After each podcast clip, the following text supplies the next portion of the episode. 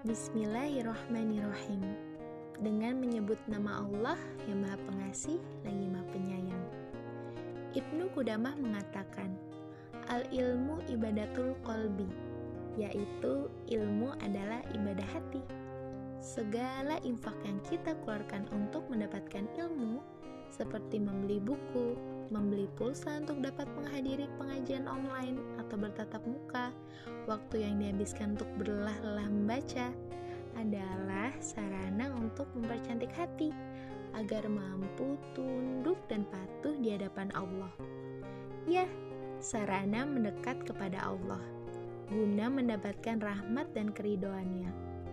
Nah, dalam rangka ini pula lah para emak dari Majelis Taklim Nurul Abidat Pondok Melati Bekasi akan berbagi ilmu dan berbagi hasil bacaan untuk saling menguatkan dalam meniti ibadah hati.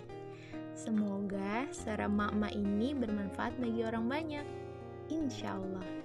Selamat mendengarkan.